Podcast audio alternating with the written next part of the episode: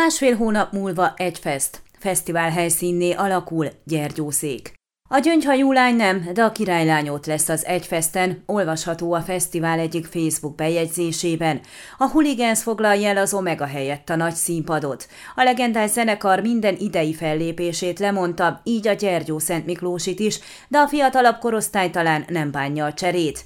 Lemondta minden határon túli koncertjét Deák Bill Gyula is, aki így szintén nem jön Erdélybe. Azonban az idősebb generációk így sem maradnak feledhetetlennek ígérkező koncertélmény nélkül. Itt lesz a zenevonat, az LGT utód zenekara. Karácsony János és Solti János a társaik fellépése már azért is időszerű, mert az LGT idén lenne 50 éves. Mutatott rá Kassai Péter főszervező.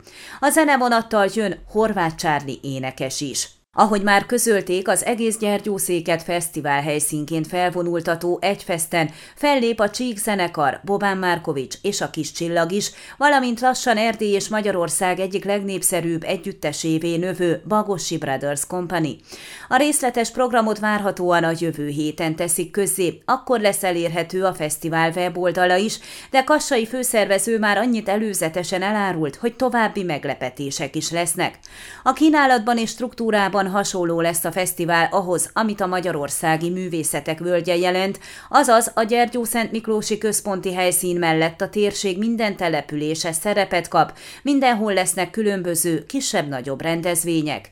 A városban helyet kap egy könyv és színházi udvar, alternatív jazz és folk udvar, de minden bizonyal nagy népszerűségnek örvend majd a gasztronómiai utca is.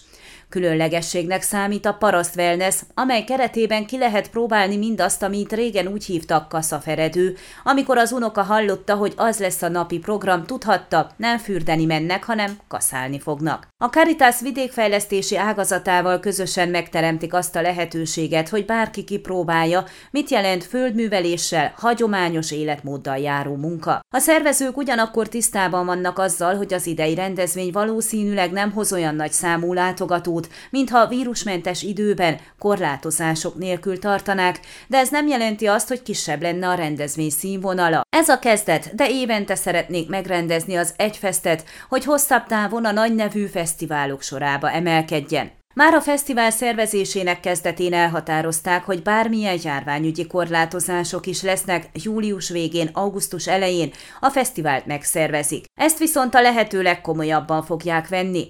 Lesznek, akiket ez visszatart a részvételtől, de ha a hatóságok oltási igazolványt, friss PCR-tesztet, gyors tesztet követelnek a fesztiválozóktól, akkor ezt mindenképpen tudomásul kell venni, szögezte le Kassai. Az esemény lebonyolításához sok önkéntesre van szükség, ezek toborozása, felkészítése is zajlik. Jelenleg a szükséges létszám kétharmada áll rendelkezésre, így továbbra is várnak jelentkezőket. Érdeklődni Málnási Andreánál, a Gyergyó Szent Miklósi Ifitéka ifjúsági iroda vezetőjénél lehet. Ön a Székelyhon aktuális podcastjét hallgatta. Amennyiben nem akar lemaradni a régió életéről a jövőben sem, akkor iratkozzon fel a csatornára, vagy keresse podcast műsorainkat a székelyhon.pro portálon.